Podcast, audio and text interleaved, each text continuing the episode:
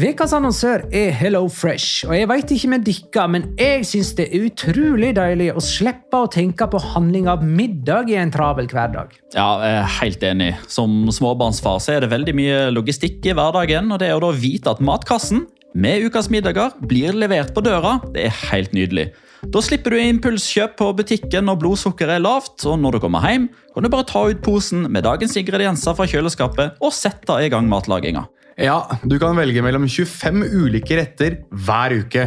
Og de har faktisk en egen kategori som heter Raskt og enkelt, med masse enkle og gode oppskrifter.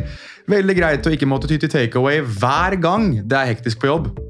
Jeg gleder meg spesielt til sterk chilikylling i min neste kasse. Jeg blir sulten bare av å tenke på det. Ja, Det er ikke feil med bacon og cheeseburger heller, da. Og det som også er bra, er at matkassen koster det samme hver uke, som gjør det enklere å holde matbudsjettet. Ja, og så blir det ikke matsvinn heller, fordi du får akkurat det du trenger til hver eneste rett. Hello Fresh kan absolutt anbefales, og bruker du koden vår, LIGALOCA, kan du få opptil 1779 kroner i rabatt på de fem første matkastene hvis du ikke har prøvd Hello Fresh tidligere. Du kan også prøve koden hvis du har avslutta abonnementet ditt for tolv måneder siden eller mer. Gå inn på hellofresh.no og bruk koden LIGALOCA. Bon appétit! Hallo? Jeg kommer fra Oslo politikammer. Ine Jansen er purk. Er du purk? The motherfucking bitch. Alt jeg vil, er å finne ut hva som skjedde med mannen min. Jon Carew. Er jeg sikta for noe? Iben Akeli. Det er du. Ole So, Lars Berrum og Big Daddy Karsten. Hvem sin side er du på, egentlig? Anette Hoff, Tone Danielsen, Kommer du fra Afrika? Jørnis Josef, Nesten. Kløfta. Trond Espen Seim. Det er synd å si det, men det var feil mann som døde. Purk. Premiere tirsdag på TV2 Play.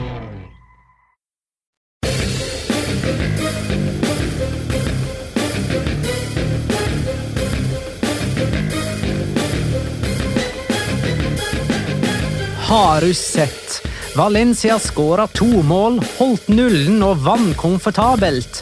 Men det er begrensa grunn til begeistring, ettersom de fremdeles er under streken og oppturen kom mot hjelpeløse Elche. I Barcelona var det et stormøte som kom i skyggen for alt det gøyale som skjer i Sevilla om dagen. La liga loca. En litt gærnere fotball.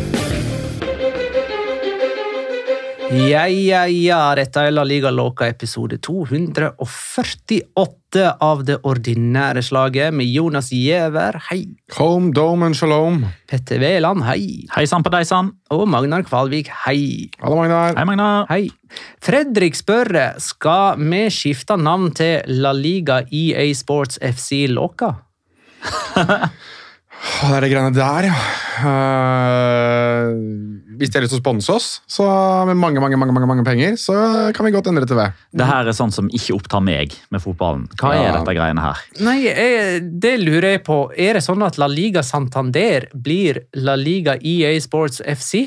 Eh, det blir ikke FC, tror jeg, men jeg tror det blir EA Sports La Liga, ja. Det tror jeg det blir. Eh, det, Hvor, som er, hvor kom It's in the game inn i bildet, da? det er vel sikkert noe Det er jo det som blir slogan. Det blir det nye It's not football, it's La Liga, da? Ja, det blir det blir det nye, ok. Ja, men jeg regner med at uh, det blir noe greier med It's in the game. Helt sikkert. Um, Men skal La Liga altså offisielt skifte navn Ja. pga. av ny hovedsponsor, som er EA Sports, Ja. og deres nye Fifa-spill, som ikke heter Fifa lenger? det, det skal visst hete EA Sports FC. Nemlig.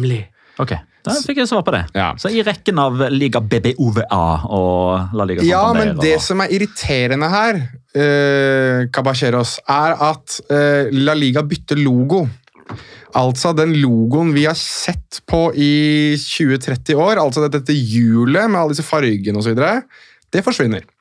Det blir eh, altså et jævlig generisk L-L, hvor det står La Liga. Eh, altså Disse L-ene er da satt opp litt sånn typ sånn som Juventus-logoen er satt opp. Ja. Ehm, og det hjulet skal vi, altså det er det som rapporteres. Det her er ikke bekrefta ennå, men eh, disse rapportene har vært ute der en stund. At La Liga i hvert fall har vurdert en ansiktsløft. Ja. Og da, Det er to røde l-er. Man kan fint søke det opp. Det ligger på Twitter, det ligger i vår Discord, som du får tilgang på gjennom ligaloca. Men Eh, der, eh, det er jo bare ja, to røde L-er som nesten kan minne om eh, sånn- det der Rayo-lynet. Ja, ja godt uh, observert. Men det står jo ingenting om EA Sports i den logoen, så eh, da vil, sånn som logoen antyder, da, hvis det blir denne, så, så vil det jo på en måte være La Liga. Men, men La Liga sin logo jo, eh, har jo heller ikke Santander i Nei, seg, bortsett sant. fra når det blir vist i, eh, si, i sammenheng. Men kanskje det kan klargjøre enda tydeligere for folket, da, for det er fortsatt ikke alle som har fått med seg det at Altså, La Liga er jo egentlig to ord, altså ligaen, men Mm. på spansk da La Liga. Men merkevaren er jo La Liga uten mellomrommet. Det er derfor vi heter La Liga Loca i ett ord. Ja. Altså for å, vi er jo fan av La Liga, altså fotballen i Spania. Og så er vel det egentlig bare noe som vi har hengt på Loca, og så så det veldig mye bedre på Twitter også, for så vidt. Men eh, ikke la i sannheten ødelegge en god historie, holdt jeg på å si. Jeg tror ikke jeg tror det sammenfaller da, litt med at La Liga nå bytter sponsor, og at de derfor også har tenkt at da kan de bytte litt uh, sitt eget image. Uh, men jeg er nok uh, tilbøyelig til å være enig med det Petter sier, at eh, der har de nok valgt å endre logoen sin nesten uavhengig av EA Sports. Men vi kommer nok til å se EA Sports-logoen veldig mye med den nye rapporterte logoen, dersom den bekreftes, hvilket virker å være sannsynlig. Eh, og så heter vi jo ikke La Liga Santander Loca, Nei, gjør ikke det. Eh, som vi kommer jo fortsatt til å hete La Liga Loca. Men vi kan godt hete det, hvis Santander har lyst til å sponse oss med masse penger. Vi kan godt hete La Liga Fiken Loca hvis de har lyst til å gå inn med masse masse penger. Vi kan godt hete La Liga Comfy Balls Loca. Men dette spillet masse. til EA Sports, Ja. heter det Fifa en sesong til? Nei. Det skifter fra og med nå, Ja. eh, i september. da. Her skulle vi hatt Ole Aasheim, kjenner jeg. For han, vi, han er men, veldig men god på skifter Men også La Liga navn. Eh, Ja, Men veit du hvor vi kan diskutere dette videre, folkens? Det er på discorden vår, som du får tilgang til på er to reklamer allerede innenfor de første. skal vi se. Der burde vi ha en egen Fifa-tråd, for vi har en sånn her FM. Ja, men det er det samme. Det er dataspill. Nei, men Det kan jeg lage. Det fikser jeg. Uansett, eh, dataspilltråd. ja, det kan jeg ordne. Det kan jeg ordne. Men uansett, poenget er at Hashtag Mac. eh, Du spiller på Commodore 64 ennå, Jeg spiller ikke. Nei. Poenget er uansett at eh, nå heter jo La Liga heter jo La Liga Santander. Og det skal vel nå bytte navn til enten La Liga EA Sports eller EA Sports La Liga. Jeg tipper at det er La Liga EA Sports, er vel det som er mest sannsynlig. Ja. ja, men det får være nok småsnakk. Vi får ta for oss runde 30, eh, og for så vidt runde 31, som jo går av stabelen denne veka. Før jeg tar runde 30 kamp for kamp, Petter, har du lyst til å komme med en generell lokora? Ja, det har jeg. Eh, fordi nå har det vært eh, litt sånn fokus på eh, både i Spania og litt sånn i podkasten, og spesielt blant supportere, og for så vidt òg ja, kanskje trenere som har vært ute og bjeffa litt og påpeka litt grann at eh, i Spania så er lista altfor lav for diverse ting. Eh, ikke underholdning eller skåringssnitt, eh, dessverre, denne sesongen, men at det blir delt ut altfor mange røde kort, og at det blåses altfor mye straffespark. Denne serierunden som vi nå har unnagjort, null utvisninger. Antall straffespark i de siste 23 kampene i La Liga, null. Så da har vi det. Er det første gangen siden 2012 at vi har en runde uten verken røde kort eller straffespark? I 2012 så kan jeg garantere deg at man ikke fikk smultring i begge de protokollene, for det er vel en av de mest eh, kort- og strafferike serierundene. Meg bekjent, jeg har ikke, har ikke tatt meg bryet med å gå så veldig langt tilbake, igjen, men det har ikke skjedd at det har vært null i begge de protokollene, i hvert fall de siste 15 sesongene. Så oh! senest eh, 2007-2008 var forrige gang. da. Ha! Men sånn er det vel egentlig i de aller fleste ligaer, er det ikke det? Null røde og null straffespark eh, for første gang på 15 år. Ja, men jeg vil jo tro at det sikkert er rundt det samme i både Premier League, Serie A. Bundesliga. Jeg vil jo tro det. Serie A, godt mulig. Bundesliga kanskje. Premier League garantert skjedd minst ti ganger i løpet av de siste 15 årene. Ja, det er sånn du som driver og stereotyper. Disse her nede på sør kaster seg og river en kvart av. Runde 30, kamp for kamp, høres sånn ut. Det starta med Espanjol, eller Epsanjol, som jeg har skrevet, mot eh, Cádiz 0-0. Epsa er ikke noen sånn spansk bensinstasjon eller sånn? Sepsa? Epsa. Jeg mener jeg har sett det, ja. Sepsanjol? Ny sponsor? Endte altså 0-0 mellom Español og Cádiz fredag kveld. Det var Espanol sitt første poeng under nye trener Luis Garcia, men etter seks strake tap trengtes en seier her. De ligger nest sist på tabellen. Osasuna Real Betis endte 3-2. Og da er Betis seks poeng bak fjerdeplassen og må slå Real Sociedad tirsdag kveld for ikke at lufta skal gå ut av den ballongen. Almeria Athletic Club endte 1-2. Atletic er dermed oppe og lukter på europacupplass etter tre strake seire nå. Den exiten de hadde i Copa del Rey-semien, virka å ha gjort dem godt. Real Sociedad Rayo Vallecano 2-1. Med sørlåt på skåringslista sikra Real Sociedad seg ei sekspoengsluke ned til femteplassen. Valladolid Girona 1-0.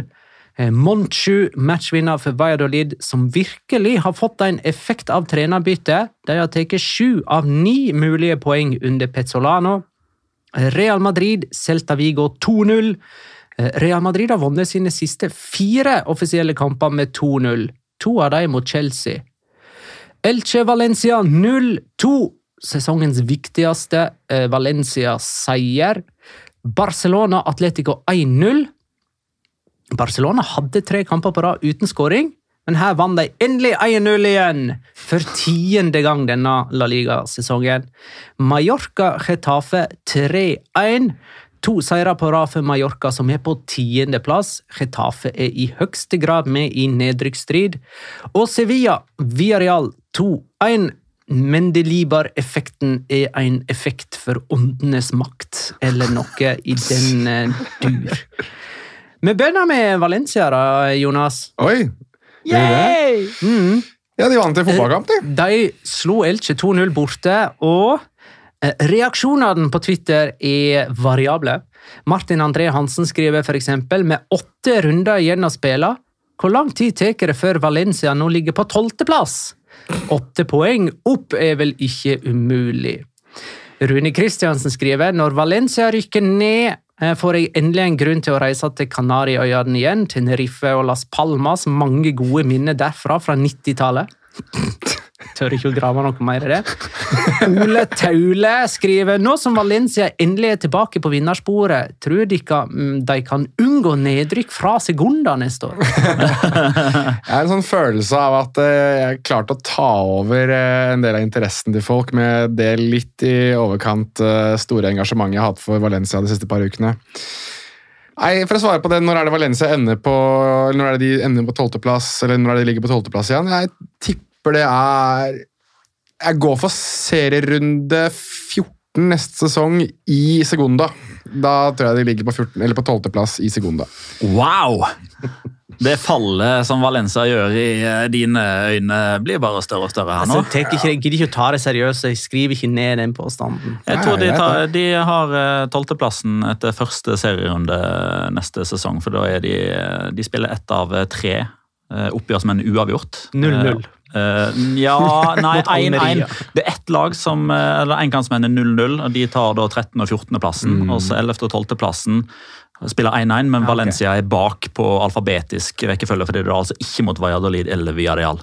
Eh, må bare få sagt nå at eh. Valencia er A-poeng med Almeria på tabellen, men de er likevel bak dem, og dermed på nedrykksplass pga. innbyrdes. Altså, Almeria har én seier og én uavgjort mot Valencia eh, denne sesongen. Ja, Det er viktig å ta med akkurat det du sier der, fordi jeg ser at det er noen som eh, hviler seg for eksempel på fotmobb og sånn, som jeg ikke tror har fått med seg det at det er innbyrdes. Det er jo noen sånne tabeller som venter med all innbyrdesvurderinga til sesongen er ferdig, og dermed kjører på målforskjell inntil videre. Ja, eh, altså jeg, jeg, jeg er veldig glad i nifs.no, norsk og internasjonal fotballstatistikk. De poengterer jo nederst på sorteringsreglene sine. Så står det sorteringsregler for innbyrdes oppgjør benyttes kun når sesongen er ferdig spilt. 17 Almeria, 18 Valencia. De følger jo ikke sine regler engang. Men eh, Valencia er nummer 18, ja. Ja. Det er riktig, det. Nei, altså, jeg sa vel det siste episode at Valencia har altså I løpet av de ni siste kampene, altså nå er det åtte, så, så har de møter de fire av de andre lagene som ligger i sonen rundt der. Og således så Nevn de fire igjen. Det var Elche. Elche, Valladolid, Getafe og Cádiz. Cádiz. Yes. De møter alle de.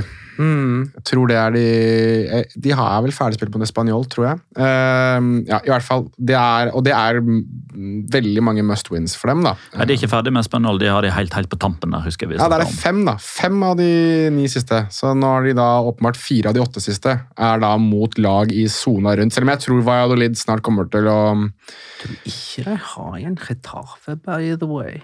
Er det de de ikke har igjen, da? Ja, da er det Spanjol de har igjen, i så fall. Jeg trodde det var Getafe. Der blander jeg kanskje Spanjol og Getafe. De Vi har Valladolid, Cádiz, Villarreal, Celta, Real Madrid, Mallorca, Español og Betis. Det er det Spanjol jeg har blanda med Getafe. Da beklager jeg det. Uansett, det er jo for så vidt greit for Valencia sin del, for Spanjol ligger under dem. Men øh, de har i hvert fall en del av de lagene igjen som ligger rundt samme sone, selv om Valladolid nå har et ganske greit pusterom. De har da fem poeng ned til nedrykk, eh, og jeg tror ikke Valladolid rykker ned. Eh, Det vet jeg at Martin André Hansen kommer til å bli veldig glad for å høre, men eh, Eventuelt så frykter han vel en jinx her. Nei, det, det er virkelig ikke ment som jinx, men det kan godt altså, De møter jo Valencia til midtuka nå, Valladolid, så jeg, ikke sånn at jeg legger meg ikke ned og griner hvis Valencia tar tre poeng der, liksom. Jeg gjør ikke det.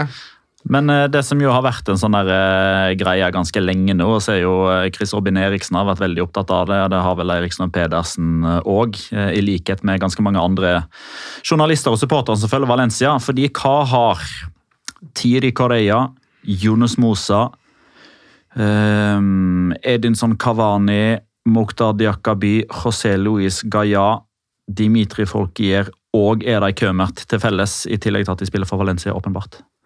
Og det er det felles. Ja. Det er vel sikkert at de er en kamp under suspensjon eller noe? De er eller en, et, et, et, kort et kort unna suspensjon. Ja. Eh, så her kommer det til å bli fravær. Det kommer til å bli eh, altså fravær i, i flertallsform eh, utover. Fraværer. Et flere, flere fraværer. Alle fraværerne. Eh, ja, du nevnte jo Valencias møte med Valladolid torsdag, eh, da, Jonas. Ja, Og, og Valladolid har sneia innom dem. De er i form. ja, veldig. Der, eh, vi vet at vi skal innom Sevilla etterpå og snakke om en effekt, men Petzolano-effekten der, den er sterk, altså. Og de kan jo langt på vei sikre premieraplassen med seier på Mestalla. Mm, det kan de.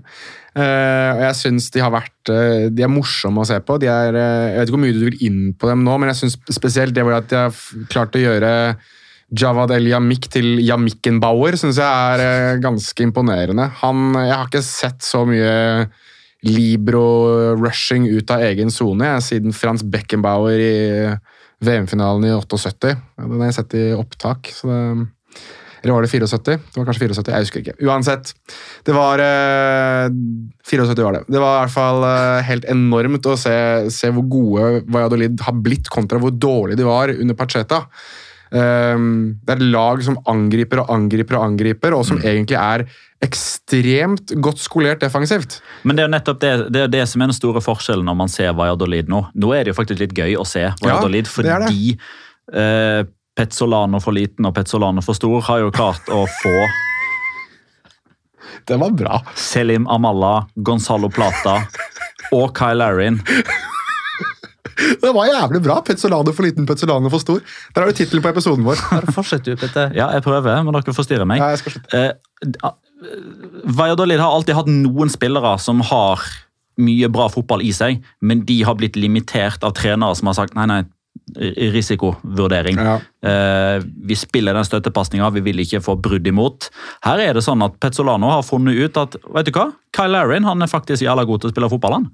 Det er Darwin Machis òg, og Selim Amalla og Gonzalo Plata. Men de er gode når de får lov til å gjøre én ting, og det er løpe i rom. Ja. Og løpe framover. Og ta sjanser og ta risiko. Og så fyller de på, og så flytter de laget etter. Og så får de eh, andre bølger, de får press, de klarer å, å, å stramme grepet på, på motstanderne. Eh, så den omstillinga der er liksom én ting at resultatene har blitt bedre, men det er jo som et, si, et resultat av at spillet har blitt mye bedre. Ja, jeg synes at I den kampen her, for å virkelig gi de det beste komplimentet jeg tror jeg kan gi Valladolid Her så jeg hvorfor for eksempel Arsenal eller Borussia Dortmund har lyst på Ivan Fresneda. Ja. Han var god, og han var jævlig god.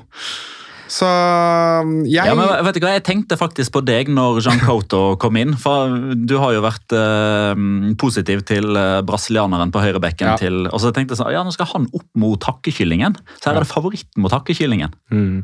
Nei, I den kampen her så er det hakkekyllingen som vinner eh, og vinner sånn til gangs. Jeg syns Jean Couto var litt sånn, eh, har vært litt sånn eh, egentlig ut denne sesongen her. Starta bra og endte opp med å falle litt. eh, falle litt. Men jeg syns uansett Valladolid de, eh, de er lag å se på.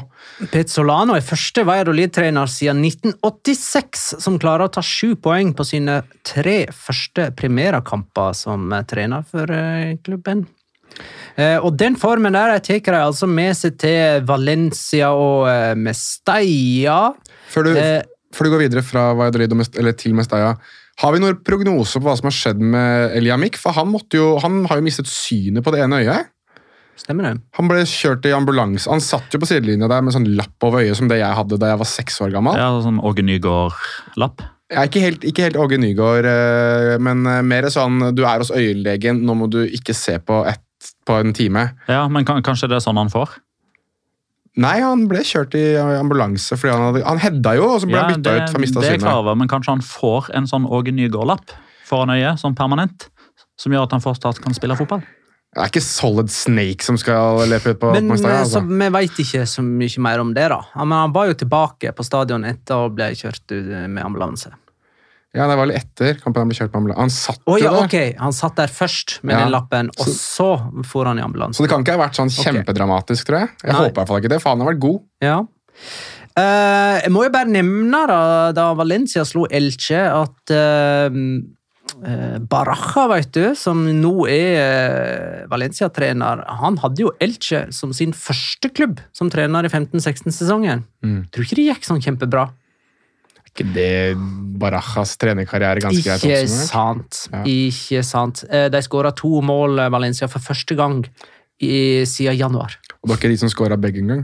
Nei, det var ikke det. Gonzalo Verdu hadde lyst til å Og ellers var det jo Lino som skåra riktig vei da, for Valencia. Mm. Hans første seriemål siden 6. november. krysse i dag. Eh, Men eh, eh, Valencia Valladolid, en kamp å se opp for i midtvekerunden. Jeg husker det omvendte oppgjøret fra siste serierunde i 2018-2019, var det, når Valencia sikra Champions League. Ja, Det- den er litt det vanskelig å ikke huske. Det er en av de største koffertkampene jeg har sett som ikke faktisk offisielt har blitt omtalt som koffertkamp. Jo, men det har han vel offisielt blitt òg. Det var jo med i Jo, Oikos, men det er jo, jo, men det er jo ingen som har altså Borja Fernandes, Carlos Aranda, det går jo fri, det var jo ingen som fikk straff. Nei da, men, men den var del av Oikos, den også. Ja, ja. For de som husker Operasjon Oikos. Ja, eh, For de som lurer, så, så lukter det kampfiksing av Valladolid Valencia fra 2019. Da Valencia Ja. trengte en seier for å ta fjerdeplassen, og Valladolid hadde ingenting å spille for. Men for å presisere, da, ikke fra Valencia-hold. Det var ikke Valencia som kjøpte Nei, nei, nei, Valladolid. nei, nei. Bare sånn at uh, vi ikke Nei, det var vel noen bettere eller et Ja, ja. som eh, eh, altså Bettingsyndikater som da Ja. ville at eh, tidligere Valladolid-spillere som hadde kjennskap til spillere der, skulle ja, sørge for at det kanskje ikke var 100% innsats. Ikke like lett å arrangere det til denne kampen her, siden det står mye på spill for begge. Ja. Her kan vi faktisk Nå har vi faktisk en såpass bred og stor eh, håper å si, eh, utgave av altså Hva heter det for noe? En, jeg håper å si kalender, men det er ikke det det heter. Hva heter det? Vi har en Almanak. Nei, altså vi har jo veldig mange episoder. Det blir en Portefølje. Jeg kaller det portefølje, da. Vi har, vi har såpass mange episoder at du kan gå tilbake til 2019-2020 og høre oss snakke ganske lenge om Operasjon Oikos og hvordan dette her egentlig forespilte, eller hvordan dette gikk sammen. Det har et Hvis begrep ikke vi bare feier under teppet da, for, å, for ikke å ha dårlig reklame for eh, La Liga. Men det tror jeg ikke vi gjorde. Det tror jeg ikke vi gjorde. Da heter det for øvrig, da tror jeg ikke det heter Liga Santander, da tror jeg det het noe annet. Faktisk. Var det BBOVA nå? Jeg tror kanskje det bare var BBOVA da. Ja, ja, samme det. Tenk det!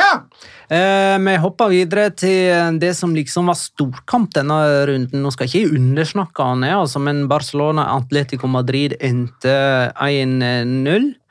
Ehm, Barcelona har nå mottatt, hvis det er lov å si, mottatt flere stolpetreff, eller metalltreff, enn de har sluppet inn mål på kamp nå. Det har vært tre baller i metallet rundt Terstegen, og så har han sluppet inn to mål på hva er det, 15 Ja. heimekamper. Ja, det er, helt, det er helt absurd. Det er helt absurd. Kan jeg få ta en eh, statistisk eh, greie her som vi kanskje må følge litt med på ut sesongen? Eh, for en gangs skyld så har jeg noe statistisk eh, moro jeg kan bare bringe til torgs. For det er sikkert noen som nå sitter og lurer på, for hvis du ser Nå, nå har de jo spilt 30 kamper Barcelona og har sluppet inn ni mål. Det er sikkert mange som lurer på, er det noen rekord her de kan ta? Og den rekorden jeg kom på, som jeg så at det også ble nevnt andre steder Jeg husket jo at Chelsea hadde jo en sesong under Mourinho der de bare låste igjen bak. Der, altså De slapp jo ikke inn mål i det hele tatt, nesten. Barcelona ligger faktisk an til å ta rekorden til Chelsea fra 2004-2005-sesongen. Da slapp Chelsea inn 15 mål. Barcelona har nå sluppet inn 9. Så hvis de ikke slipper inn mer da, åpenbart, enn eh, ja, si fem, da, sånn at de har rekorden, Men, så er de der. Men er det rekorden i topp fem-serier? Det må det være, en 38-kampsserie. Det Er må det ikke det noe eh, Serie A på 90-tallet som kan være oppe og nikke der, kanskje? Nei, det tror jeg ikke. Jeg, Nei, at det kanskje er, jeg er litt for fordomsfull? jeg tror det er, eh, det er, det er Perugia på 78 men altså, 79-sesongen som har en eller annen sykerekord. Milan, eh, Milan med Baresi og han Ja, kanskje du har rett der, Magnar. Eh, Milan slapp inn 15 mål i 93-94, men det var på 34 kamper. Ja, det, jeg ja, mener, det, det, da teller ikke det. nei, det er 38-kampserie jeg er inne på. Uh, jeg tror Chelsea har rekorden. altså. Jeg er ganske sikker på at det er Chelsea som står med den. Men Barcelona kan jo nå ta den, da. Og, du, og et lag du liksom ikke ville gjettet på at kunne ta den. Altså, Barcelona er jo ikke akkurat forbundet med veldig sterkt og tøft eh, Nei, det eneste var jo altså de, de har hatt kruttsterke tall tidligere, bare at dette er enda mer kruttsterkt. Men det har jo vært fordi da har man som regel bare hatt ballen hele tida. Og Ja. så lenge man ikke skyter den ballen i eget mål, så skårer jo ikke motstanderne. Men det som, det som er forskjellen nå, er at altså jeg tipper at uh, Chelsea i den Mourinho-sesongen nok hadde en XG imot som tilsvarte det antallet de slapp inn. Det som skjer med Barcelona denne sesongen, her er jo stolpetreff, terstegen, folk som får hetta alene med keeper og bommer på åpent mål, i tillegg til at de selvfølgelig skal ha honnør for forsvarsspillet sitt. Men det er liksom Det er en mur her som eh, den, den, den, den slår jo ikke sprekker, men du hører liksom jevne mellomrom. Fantes det XG i 04-05? Eh, ikke i sanntid, eh, men man har sikkert gått tilbake. ja, det er det sikkert noen som gjør. Um, Jeg tenkte du skulle få det i leksa til neste episode. den er grei. Atletico hadde seks seire på rad, og de hadde ikke tapt på 13 oppgjør siden sist de møtte Barcelona i januar. Eh, og den begredelige eh, statistikken Atletico har på kamp nå, den eh, blir bare verre. Nå er det 17 strake kamper. Det er første gang i historien at Atletico har 17 strake kamper på ett og samme stadion uten seier. Og ingen trener har flere kamper på kamp nå uten seier enn Diego Simione. Han har nå passert Agirre. Simione har nå Han har 16, da. Agirre eh, har 15. Eh, Noe som var undersnakket i den kampen her eh, vi, vi nevnte jo ene stolpetreffet, holdt jeg på å si. Men dette her var jo egentlig den kampen der La Ligas to beste spillere denne sesongen møtte hverandre, spør du meg. Ter Stegen og Grismann? Ja. Og det var jo Grismann som hadde en i metallet her. Så Det tok ikke lang tid heller. Det gjorde ikke det. Bare litt sånn Litt undersnakket, og sikkert eh, lov å stille seg spørsmål om La, Liga kanskje er litt profilløst, når det er eh, ikke engang blitt kommunisert. Og så holder jo Ter Stegen på å ta en eh, rekord som har stått i eh, 29 år, nemlig flest smultringer i løpet av en sesong. Den rekorden har jo Francisco Lianjo fra den der legendariske Deportivo-sesongen i, i 93-94. Da hadde han 26. Ter Stegen har 23 nå, og han har jo da kamper på, ni kamper på seg, vel, til å få de tre til å tangere, eller de fire til å slå. Så um, i en, sånn, uh, i en debatt om hvem som er mest glad i smultringer, så tror jeg meg og Ter Stegen kommer til å diskutere ganske lenge. Ehm, skal vi snakke om at Lionel Messi forlater Paris Saint-Germain etter endt kontrakt i sommer? Alt tyder på det. Han har eh, forlatt Paris allerede og landa i Barcelona i dag, Ja, det er rapporter om at han er sett i Barcelona med massevis av bagasje. Ja, han eh, ja, Han har mye å tenke på. eh, Bagasje har, Messi. han, bagasje har han mye av. Uh, han har visst syklet rundt Barcelona i dag eh, med hette over hodet og litt sånn forskjellig. Sykler rundt Barcelona. Ok, Det er ikke Welta de Barcelona, hvis det er det du er sikker til. Men han har, han har Men han sykla rundt eller sykla rundt i Barcelona? rundt i Barcelona. Han har vært på sykkel. Sprekt Ja. eh, på to forskjellige måter. altså Fysisk sprek, men òg Jøss, tør han det? Ja, nei, men Det er stor hette over hodet og hettegenser og ja. Du ser ikke at det er Lionel Messi, men det er visst Lionel Messi, fordi han syklet jo da inn på denne compounden som de har, dette her kontoret til faren som vi har sett, som ligger i sentrum osv. Men ja, nei, altså Jeg har i hvert fall kommet til det punktet, da. eh, hva angår Messi og Barcelona, at jeg blir mer overraska hvis han ikke signerer enn hvis han signerer nå.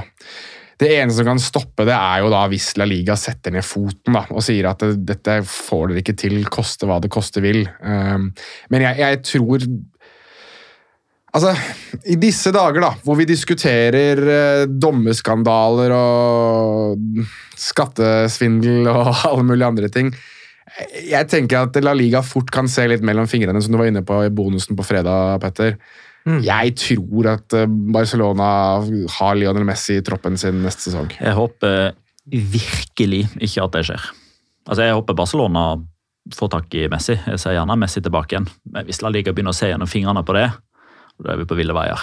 Jeg tror det blir en sånn Messi-unntak. At det blir noe sånn Ja, jeg tror, jeg tror det. Husk at eh, La Liga vil, gjerne, vil jo veldig gjerne ta uh, lærdom og inspirasjon fra USA. Altså I USA så har de jo det som heter the Beckham rule, uh, der du da kan for eksempel ha én spiller som er tatt ut av det som er cap space. Da må de andre lagene få lov til det òg. Mest og det, det, sannsynlig. det det som er Jo, men tror vi, tror vi det? At det kommer til å skje? Det Hvis det er en spiller som kan gjøre det, som kan være såpass definerende at man finner på å gjøre det, så er det vel Lionel Messi. Eh, Jeg òg tror at man kan finne et smutthull, eller man kan se gjennom fingrene for at Barcelona skal få lov til å signere Lionel Messi.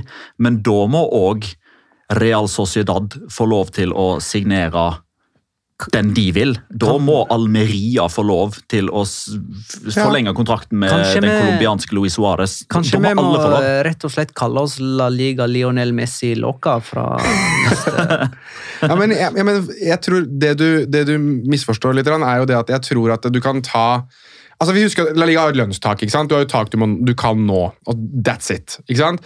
Men jeg tror at det du fort kan få i La Liga, hvis dette Messi-greiene går så langt som det kanskje kan gå Det kan godt være at vi nå lager storm i vannglass, men jeg tror du kan fort få det sånn at du får én spiller som du tar ut av lønnstaket. Betal han så mye dere vil, gjør akkurat som dere vil med den ene spilleren. Han er unntaket. Det er da altså, det, dette som er the Beckham rule i USA. De har jo flere designated players der. Der, der er systemet ganske stort. og Hør fotball forklart, så kanskje du finner ut en gang. Uansett så øh, øh, tenker jeg at La Liga fort kan finne på å gjøre det samme for rett og slett å få Messi tilbake i ligaen. Men så er det jo også snakk om at Barcelona skal kvitte seg med spillere for å gi litt sånn øh, plass.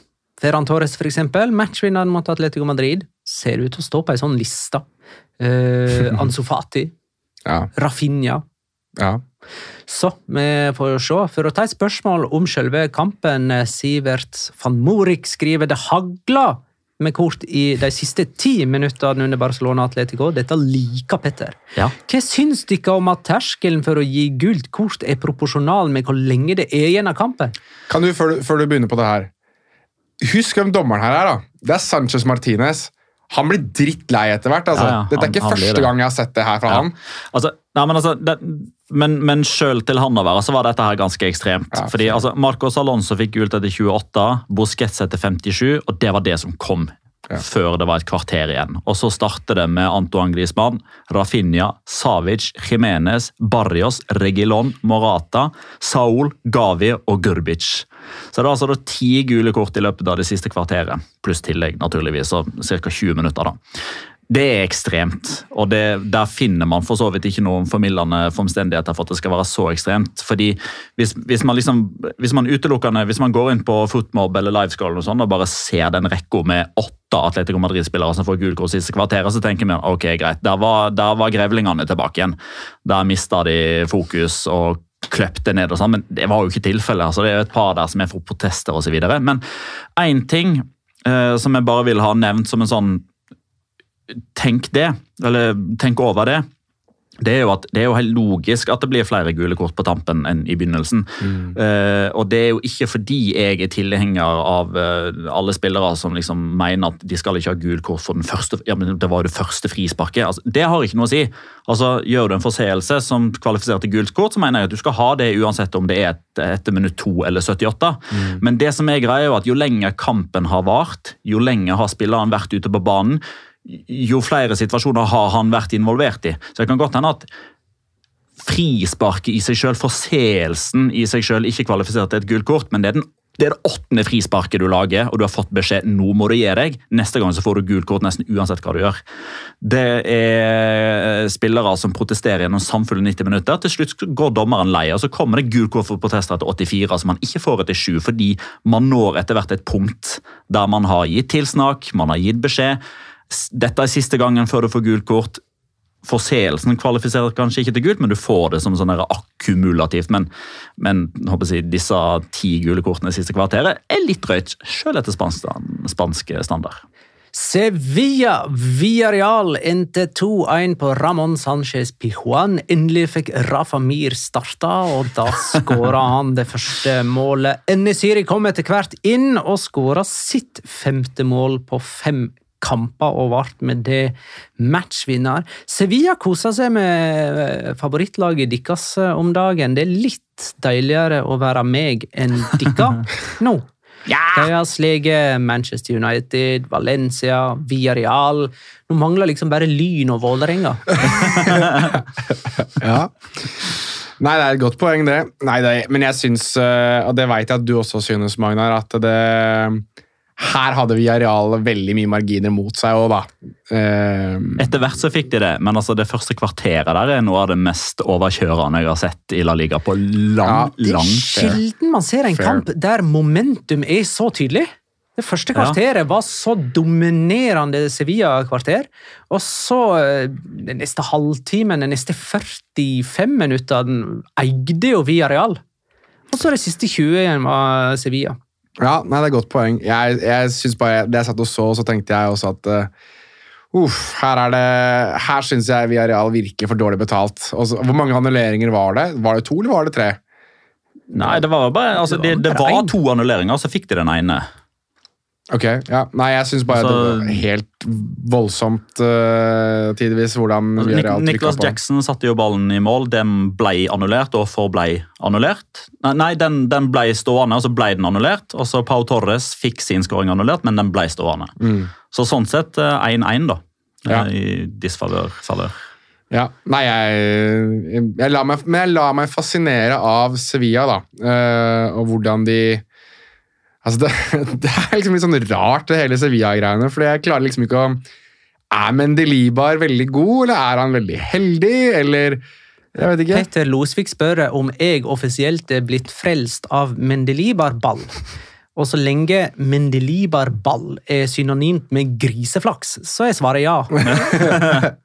Ja, det må jo være ganske digg eh, å liksom sitte og se på et lag som eh, Flaks og flaks. Altså, de, de, de avgjør i hvert fall Marginer, Ja, kan vi vel kalle det. Riktig. Margin. Det er godt, uh, god påpekning, Petter. Og de har marginene på sin side.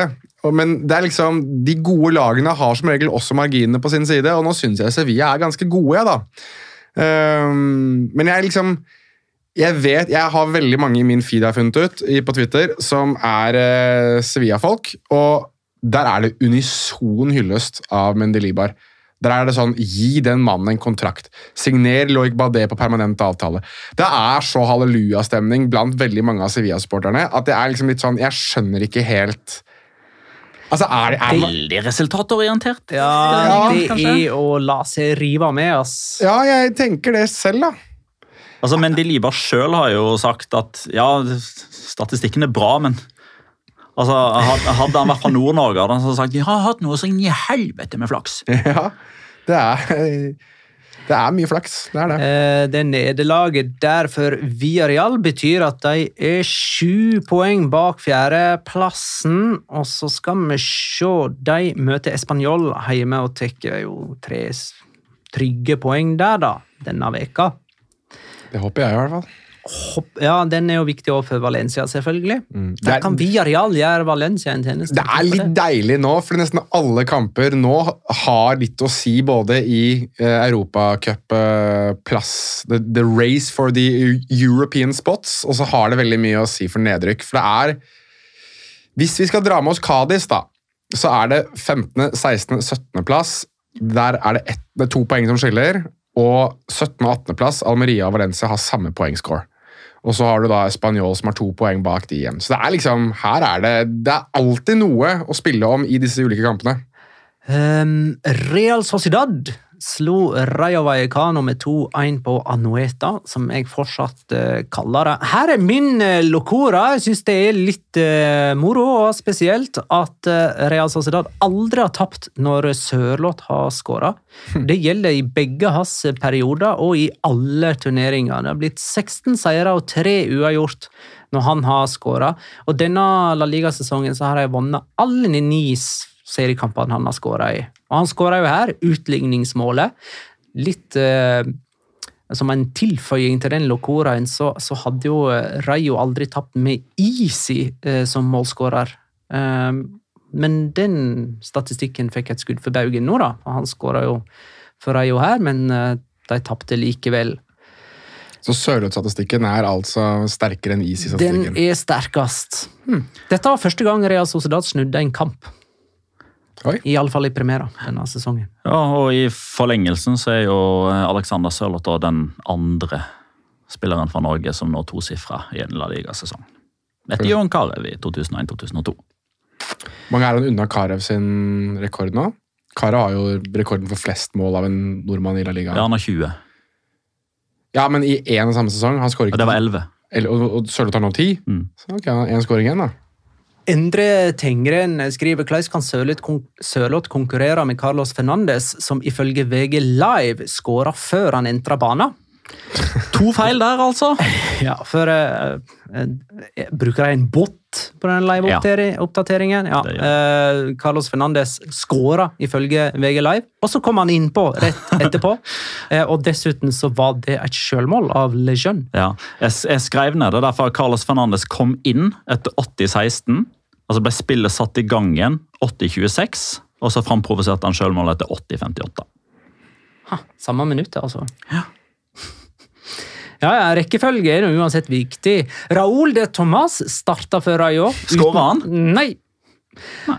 og han bønner å få en stygg statistikk i tillegg til mangelen på mål. Eh, han har én seier på sine siste 19 seriekamper. Ja, Det nevnte jeg her for eh, et par uker siden. Og den kampen som han da står med seier i, der kom han inn på tampen når laget hans leder med et par mål. Jeg eh, syns hele det Raúl Thomas eh, Altså, det derre året hans, hvis vi kan kalle det for det, da. Han, han hadde to gode år, eh, hvis vi skal være Nei, nei, helt ærlige. nei, Eller men- mener du negativt? Ja, ja, jeg mener altså det, hans The Rise and Fall fra Ole de Tomas Ja, okay. er jo ganske imponerende.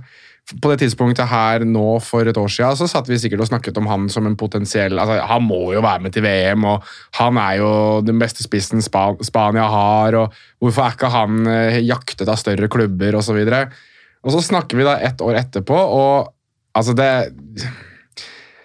det er en del andre spisser i liga jeg ville hatt før Raúl de Tomás, og det er ganske mange av de og, og ganske mange av de er spanske. Altså, Jeg hadde til og med tatt en halska Gerard- Moreno før jeg hadde tatt han nå, liksom. Så, Pappaen til uh, Raúl de Tomas han spilte faktisk for eh, den eh, halvnorske klubben Torrevieja i 92-93-sesongen. Så det er sikkert, hvis vi er heldige, så har noen av våre kvinnelige norske litt eldre lyttere kanskje kjent pappaen til Raúl de Tomas. Eh, Real Sociedad sin seier betyr at de er på eh, fjerde med seks poeng ned til Betis på femte. Skal det bli spennende om den fjerdeplassen, så må Real Betis slå Real Sociedad på Benito Villamarin tirsdag kveld med avspark klokka 22.00. Er ikke det ganske deilig? Det er veldig deilig, men jeg vil si at spenninga fortsatt lever hvis det er uavgjort, med tanke på at Real Sociedad har både Real Madrid, Barcelona, Atletico Madrid og Sevilla igjen. Oi da! Det er et knalltøft program. til og med Sevilla er blitt knalltøft nå, Magnar. Jo, men hvor tøffe er egentlig Real Betis? Eh, De tapte 3-2 på El Sadar mot ja. Osasuna. Fryktelig uryddig sesong på uh, Real Betis. Hvor, hvor mye kosta alle disse røde kortene og karantenene deres i form av poeng og til slutt penger? Ja, Det er nok et veldig godt spørsmål, uh, og sikkert veldig mye. Jeg ville tro at de hadde i hvert fall, i hvert fall ligget mye nærmere Lareal eh, Champions League-messig hvis de hadde klart å være litt roligere. Vi kan jo ta de kampene de har fått utvisninger i. da. Altså, Herman Petzella ble utvist mot Osasona på hjemmebane. Den vant de, så der fikk de ikke noe å si. Men så hadde de to bortekamper mot Celta og Valladolid i oktober. Der fikk jo Luis Felipe og Herman Petzella igjen. De fikk tidlige utvisninger. De var i første omgang begge de to. Den ene tapte de, og den andre spilte det uavgjort. Spilte de dag uavgjort 0-0 mot Cádiz, og Sergio Canales ble utvist. Det var riktignok helt på tampen, så hadde kanskje ikke så mye å si. Men påfølgende kamp, hvordan gikk det? Der sånn Da han var ute, da slo de Almeria 3-1. ah, okay. Ja. Eh, nei, vent litt nå. Uh, nei, da tapte de hjemme mot Atletico Der Madrid. ser du! Ja. Uten Canales. Uh, og så var det jo El Gran Derby, som endte 1-1. Eh, med to utvisninger på Fikir og, eh, og Borja Iglesias. Den leda de jo, så den kasta de jo bort. Eh, og Så fikk de utvisning på Edgar Gonzales borte mot Valencia når de tapte 3-0. Eh, Luis Felipe ble igjen utvist hjemme mot Atletic. Den endte 0-0. Og Så tapte de hjemme mot Barcelona og Celta Vigo da William Carvalho og Luis Felipe ble utvist. Og så tapte de òg mot Cádiz på hjemmebane når de fikk de to utvisningene sist. Den tror jeg ganske Den, den Cádiz-kampen så jeg, og det er veldig jeg har sikkert sett alle disse her, men uansett, den Cádiz-kampen var veldig åpenbar at det der savna de spillere, for der fikk Cádiz voldsomt med rom etter hvert. Ja, men altså, de har altså da fått spillere utvist i 1, 2, 3, 4, 5, 6, 7, 8, 9, 10 forskjellige kamper. De har vunnet én av de. Og det var den aller første. Ja, der har du det. Så det har kosta mye poeng, og kommer til å koste mye penger. Mm. Eh, Det var stor applaus på El Sadar da Joaquin eh, kom inn. Um, René Ulrik Olsen skriver at han trenger trøst etter at eh, Joaquin har meddelt at han legger opp etter denne sesongen. Det var han som gjorde at René ble Betis-supporter for 20 år siden. Oi. Eh, vil han kun være legende i Betis eller også i Spania generelt? Og i Spania generelt. Det, det ligger jo an til en åtte runders hyllest nå, eh, med den applausen han fikk eh, på El Sadar da han kom inn. Ja, han, han kommer til å bli applaudert på Camp Nou. Han kommer til å bli applaudert på San Mames. Han kommer ikke til å bli applaudert på Ramón Sánchez Pizjuan. Eh, men har kommet til å bli applaudert skje. Ja, kanskje. Det spørs litt på hvordan liksom, stemninga er generelt. Tidspunktet han kommer inn, hva er stillinga. Ja. Eh, men selvfølgelig, lede La oss si at eh, Sevilla leder 2-0. 2-0, da, eh, og Joaquin blir tatt av. Så tror jeg sjøl at et Sevilla-publikum kan ta seg eh, håper jeg, Ta av seg eh, fiendtligheten og ta av seg trusa og eh, applaudere med trusa i hånda. Men jeg kjenner at jeg liker det ikke. Jeg syns, jeg, jeg syns det er noe sånn stakkarslig, jeg, da. Jeg vet ikke. Jeg bare sitter sånn skikkelig sånn Jeg syns at det er utrolig gøy at eh, alle sammen er enige at det er trist at Joaquin legger opp, men at han liksom byttes inn og applaudere. det blir liksom sånn der, Han blir som en sånn derre gammel bikkje som alle er glad i, men som ingen tør å skyte, liksom. Jeg blir sånn eh, Altså, jeg liker det ikke. Jeg syns eh, Men nå skal det jo sies da at han, han, har, jo, altså han har 16 kamper i La Liga denne sesongen. Det er 16 innhopp, og de 15 første innhoppene kom før han meddelte at han skulle legge opp. Så det er ikke noe sånn tribute tour han får nå. Det blir jo det, da. Det blir jo en tribute tour uansett. Det er derfor jeg synes at Dette her burde han ha tatt før siste hjemmekamp, f.eks. Der det kunne blitt en ordentlig stor feiring, men å ta Men det kan det nå jo bli. Det gjør det jo, men jeg tenker at det, nå blir det en sånn stakkarslig sånn applausrunde, og når han er ferdig, så går han og takker det publikummet på den, på den stadion han har spilt på. Altså jeg bare tenker at Det, det blir sånn sirkusklovnopplegg. ass. Jeg, jeg liker ikke det, for jeg syns hans karriere fortjener mye mye mer enn det. Og for øvrig litt morsomt at Real Betis et par timer etter at Joaquin annonserte at han la opp, eh, så var det nesten offisielt at han skulle bli leid ut til Albacete resten av sesongen. Det er en historie. Mm, Vi går videre til Real Madrid Celta Vigo, eh, der Real Madrid vant 2-0. Ascencio med ny skåring. Han har 11 mål for Real Madrid denne sesongen. Dette er en av hans beste Real Madrid-sesonger i så måte. Er dette det seneste tidspunkt vi noen gang har begynt å snakke om Real Madrid? igjen? Det kan fort eh, være det. Altså. Kan være Kan være første gangen vi snakker mer om Valladolid enn Real Madrid. Spørs hvor mye vi snakker om Real Madrid nå, da. Militao hadde kanskje rundens mest kontante heading Ja. til Ah, 2-0. Den skulle inn. Eh, han er mestskårende forsvarer med fem, eh, og han er også mestskårende med HV. Alle fem. Men så er vi inne på ting Jonas ikke liker. Eh, banen til Real Madrid. Stadion eller gras? Nei, gresset. Altså Wow! Det, for, for Real Madrid, som skulle liksom flotte seg og ha verdens flotteste stadion og se på oss Champions League-vinner Fy faen, de spiller på en jævla potetåker, ass. Det der er Det der ser ut som Nadderud. Sånn som Nadderud er nå. Det er det Santiago Bernabeu er også. Noen som vet om det er samme banemann som Retafe?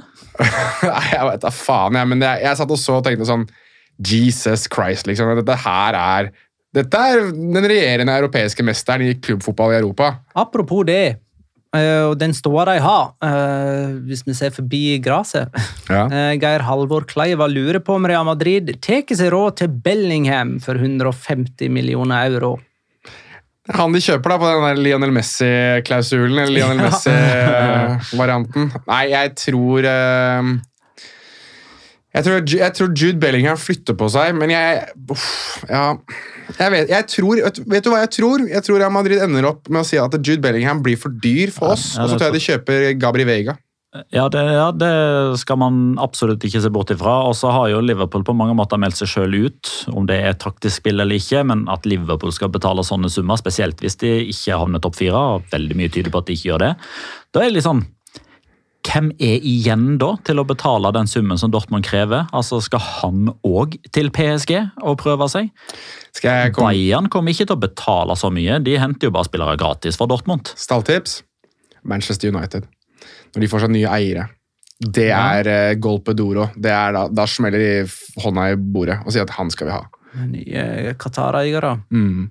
Dessverre. Uh, Joe Hinton, eh, Charles P. Cruise. Var det Joy Linton som har sendt inn spørsmål? sa det? Nei. Hva du da, Joel Linton, etter den fantastiske kampen mot Tottenham? Ja, Sendt inn et uh, lytterspørsmål til Er Kamavinga Real Madrids beste venstreback denne sesongen? Ja! Ja. Jonas? Ja, ja, definitivt. Men eh, Og- vet du hva, jeg, jeg har vært inne og uh, rasla litt med sablene med Kamavinga venstrebekk inne. Vet du hva, Jeg trekker alt tilbake. Jeg tok feil. Så god han er som venstrebekk. Ja. Uh, Even Melås Fåberg. Uh, er Strand Larsen helt ute i kulden? Virker jo litt sånn. da, Kommer ikke inn engang nå. Vil du Det at er. Svedberg kom inn? Ja, det er klart, det er jo ikke For, for å forsøke å ha en positiv vinkling på det, da. altså på stillinga 2-0 altså, han, han starter ikke. Det får for så vidt være greit når Haris Seferovic har liksom fått den posisjonen ut sesongen. Da. Det har han jo på mange måter vedkjent sjøl, og så må han bare gjøre så godt han kan resten av sesongen. På stillinga 2-0 så er det kanskje ikke han som skal inn, fordi da skjønner Carlos Calvadal at risiko Eller her må det bare skadebegrensning. Passer på at det ikke blir latterliggjort. Så kommer det to kamper i løpet av den uka som vi er inne i nå. Ok, da sparer vi på de kreftene til eh, Elche. Playa, og så blir det hat trick mot Elche. Ja, jeg, jeg tenkte på det. Hvis han ikke starter mot Elche Altså at han er i startup Med tanke på at Haris Seferovic ikke gjorde noe vei i vellinga. Paciencia fikk jo nesa si smadra, eller noe sånt. nå. Han blødde i hvert fall som, et, som en stukken gris. Um, hvis ikke uh, Jorge Playa starter den kampen der, da ville jeg begynt å bli litt sånn hm, ja, hm. Men jeg tipper at det er derfor han ikke spilte noen minutter på Santiago Bernabeu, for da får han starten der, sammen med Aspas. Ja, Og så er det Villarreal igjen på søndag, så det er jo liksom Det kommer to kamper, og så er det Retafe. Så det er, liksom, det, det er veldig tett eh, kampprogram nå. Sant? De spiller mot Elche, Villarreal og Retafe i løpet av halvannen uke her nå. Ja. Eh, vi bruker ikke så mye tid på Español Cádiz, som endte 0-0, men jeg vil gjerne si at Joselu ikke har skåra for Español siden han debuterte for Spania med to mål mot Norge. Men at han ikke skårer den kampen her Ja, altså, For å si det sånn, da. Hvis noen satt med uh, to score uh, på Joselo, så vil jeg dra fram bad beat-begrepet. For her smalt det i stolpen. Det smalt i tverrleggeren, og han fikk en skåring annullert for en, eh, for en offside. Vet du hvem som satt eh, i stua si og eh, jublet hver gang det smalt i metallet og Joselo ble vinka av for offside? Jeg tipper jeg ser på han akkurat nå. Det er helt riktig. Det var meg. Jeg var veldig glad for 0-0. Gi hverandre en god klem og hoppe utfor et stup, både Spanjol og Cades. Helt greit. Ja, for det at Sorry Spanjol kjempa jo for å unngå nedrykk sammen med Valencia. Mm. Uh, Almeria Athletic Club endte 1-2, uh, og der må vi si at Nico Williams og Oscar de Marcos da skåra Atletic eh, sine mål, så nå har altså minst én av Williams-brødrene skåra i fire strake kamper. De to har skåra seks av Atletic sine siste sju mål. Ja, De har en sånn eh, intern eh, kamp nå om hvem som eh, bidrar med flest målpoeng. Injaki har åtte pluss tre, Nico har seks pluss fire. Så foreløpig da, så leder eldstemann med 11-10. Eh, og Atletic har 46 poeng etter 30 serierunder. Det meste de har hatt etter 30 serierunder siden sist Valverde var treneren deres, i 16-17-sesongen. Det er bare én trener for Atletic Klubb. Jeg skulle akkurat til å si jeg, Du sa jo åpenbart siden den gang, men jeg ville jo trodd at den ene sesongen med Marcelo Bielsa så hadde de enda flere. Ja. Eh, Må du ville ha hatt. Det må de vel ha hatt. Ja. Husker ikke. Nei, ikke heller. Det var 11-12.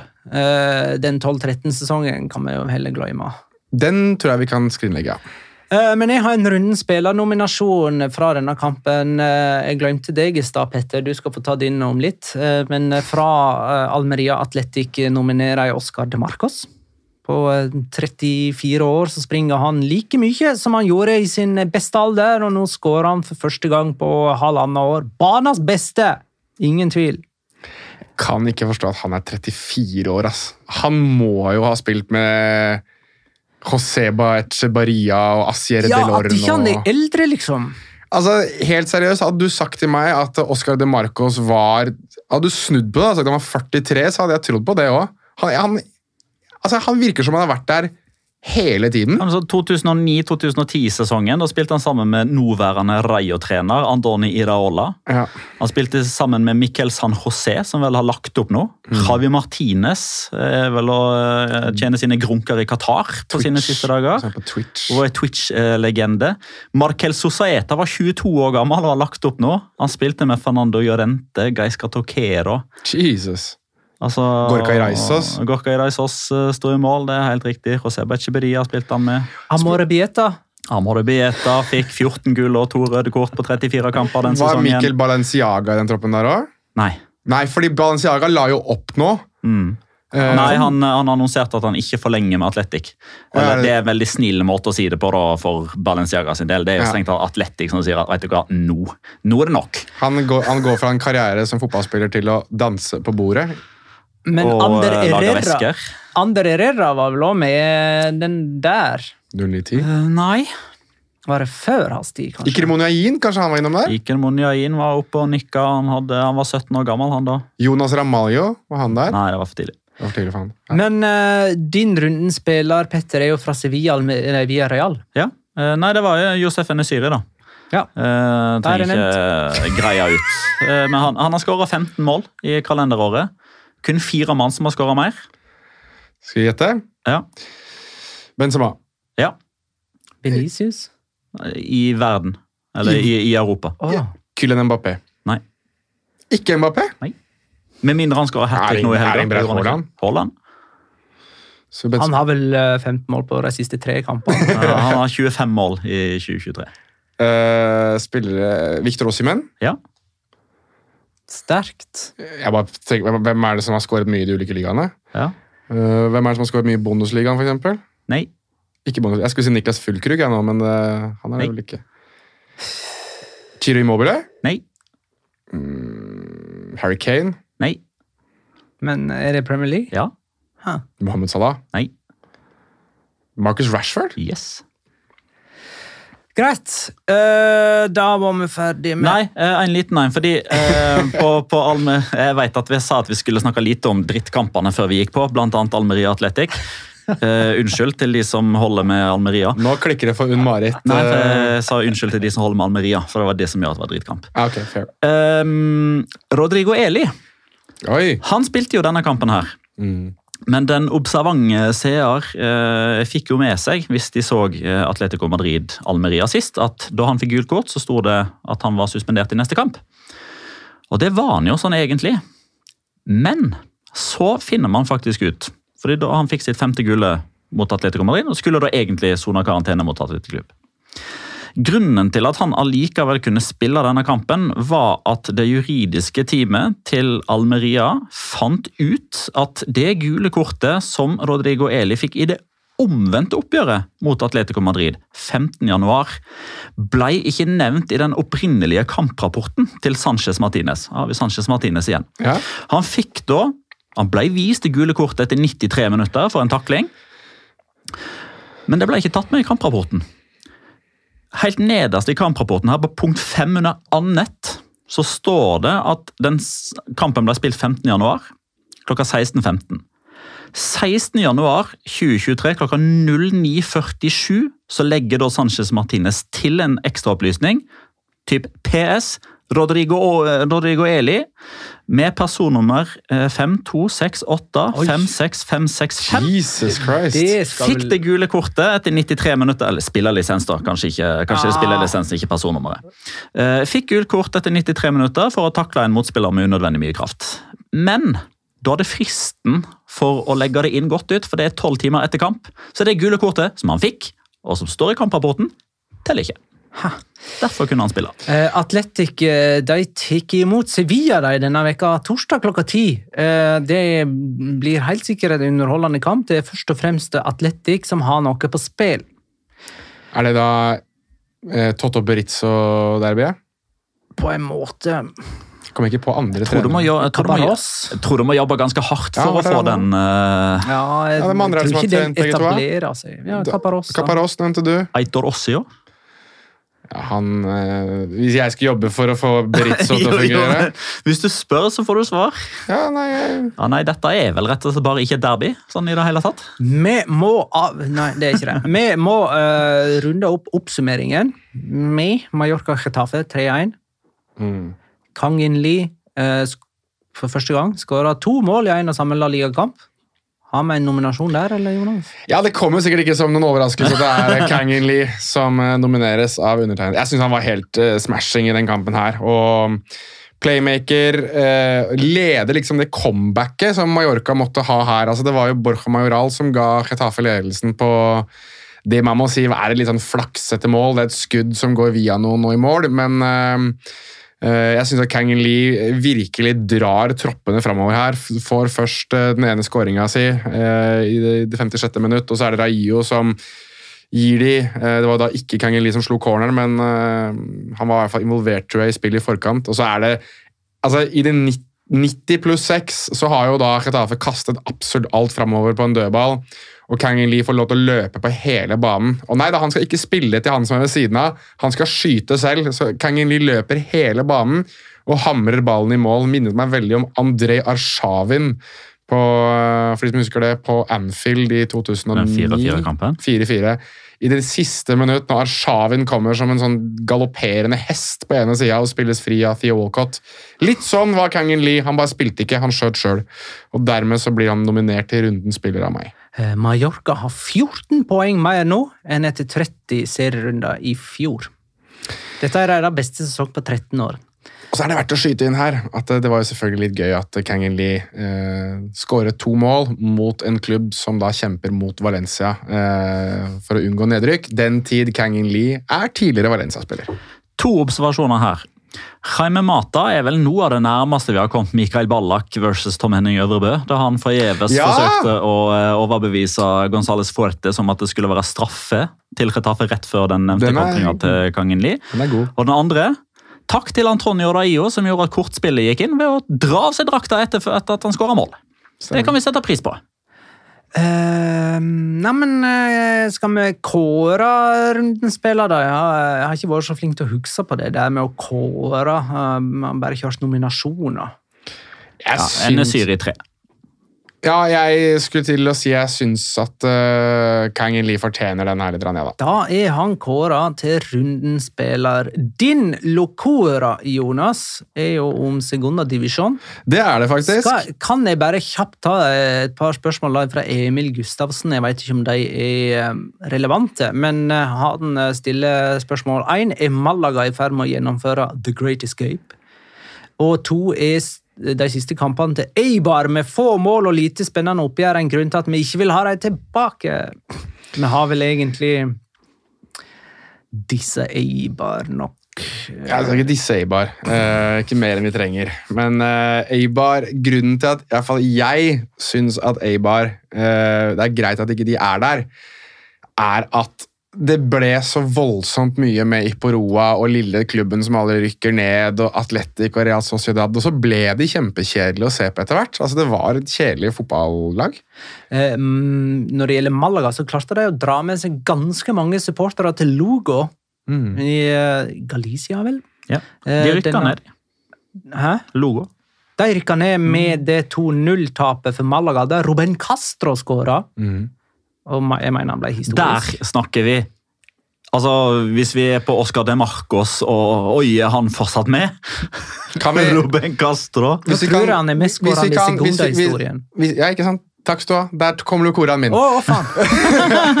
det var Poenget var at uh, han uh, vi, vi, kan bare ta det og oppsummere med, med resten her, men jeg syns jo det er litt kult, fordi liksom Ruben Castro trodde man liksom er han fremdeles å løpe rundt et eller annet sted? Ja, han er jo det, og nå er han tidenes mestskårende på nest øverste nivå. 195 mål på uh, nest øverste nivå. Uh, han går jo da forbi uh, Nino, som vi husker at vel var innom Elche. Tenerife? Mm, ja, og spilt mange herrens år, han også, på nest øverste nivå. Men altså, skåringene da, til Eh, godeste Ruben Castro. Der har du På nest øverste nivå så er det for Las Palmas. Han skåret også for Albacete, men det var jo da i La Liga, åpenbart. Eh, han skåret for Huesca i, på nest øverste, han skåret for Rayo Vallecano på nest øverste. Han har skåret for Betis på nest øverste. Han har skåret for Cartagena på nest øverste, og nå har han skåret for Malaga på nest øverste. Han har vel skifta klubb hvert år de siste fem ja, han har det. han har det. Det er ikke langt unna, i hvert fall. Og bare sånn... Uh, han har vært i Kina! Husk det! Han har vært i Kina en tur òg! Men, men, det som er litt gøy, da, altså i og med at vi gjorde det på Oscar de Marcos tilbake i 2009-2010 altså Den første sesongen Ruben Castro fikk spilletid for Las Palmas. Det var i 2000-2001. Den sentrale midtbanen til Las Palmas da er Robert Jarni og Winnie Samways. Robert Jarni, ja. Han har spilt sammen med Robert Jarni og Winnie Samways. Og spiller fortsatt fotball. Robert Jarni spilte eh, VM-semifinale 1998 mot Frankrike. Spilt for Real Madrid der, han òg. Godeste Robert Jarni. Kroatisk. Kroatia. Mm. mm. Tok vel bronse, da. Det er 98-året. Ja, de hadde jo det laget, Kroatia, med Boban og Jarni og Sjoker og Boksic. Så det var vel ikke mot Prosjinetskij. De hadde et kjempelag. Boban? Jeg nevnte Boban. Oh, ja, ja. han. Uh, nei, men Greit, det var locoraen fra Segunda. sant? Det var locora. Mm, da kan vi tippe, da. Uh, forrige kamp vi tippa på, var Elche Valencia, som endte 0-2, med Lino som første målskårer. Jeg hadde 1-2 med Duro som første målskårer. Det gir ett poeng. Petter hadde 0-2 med Lino som første målskårer. Hadde du det? Selvfølgelig. Fy faen. Fem poeng. Eh, det er ikke mange ganger vi har dreget fempoengere denne sesongen. Jonas hadde 1-0, og Per Emilia som førstemålsskårer. De er. Det går helt greit. Eh, totalt altså har jeg 32, Petter 27 og Jonas 17. Neste kamp er Real Betis Real Sociedad tirsdag klokka 22. Jeg sier 2-1 og Ayose Perez. Oi. Ajos. Um, ja, Real Betis, Real Sociedad. Jeg sier 2-0, jeg. Uh, og første målskårer blir Le Panda. Le Pendant. Le Pendodor. Er det for at han tar eh, straffespark? Uh, det tar jeg ikke stilling til. 1-1. Uh, og jeg går for Mikkel Oyarzabal. Som tar straffe, for øvrig. For de som ikke visste det, så er det Mikkel Orazabal som tar straffene til Real Sociedad. Uh, nei, men Det er kult. Da kan vi jo summere opp den midtvekkerunden i uh, en patronepisode på fredag, da, kanskje. Hvis du vil ha tilgang til den, så må du innom patrion.com slash. Yes, Takk for at du lytta, kjære lytter. Ha det, da.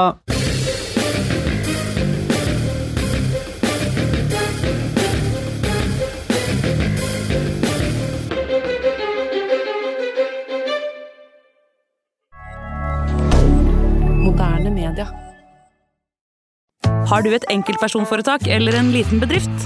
Da er du sikkert lei av å høre meg snakke om hvor enkelt det er med kvitteringer og bilag i fiken, så vi eh, gir oss her, vi. Fordi vi liker enkelt. Fiken superenkelt regnskap.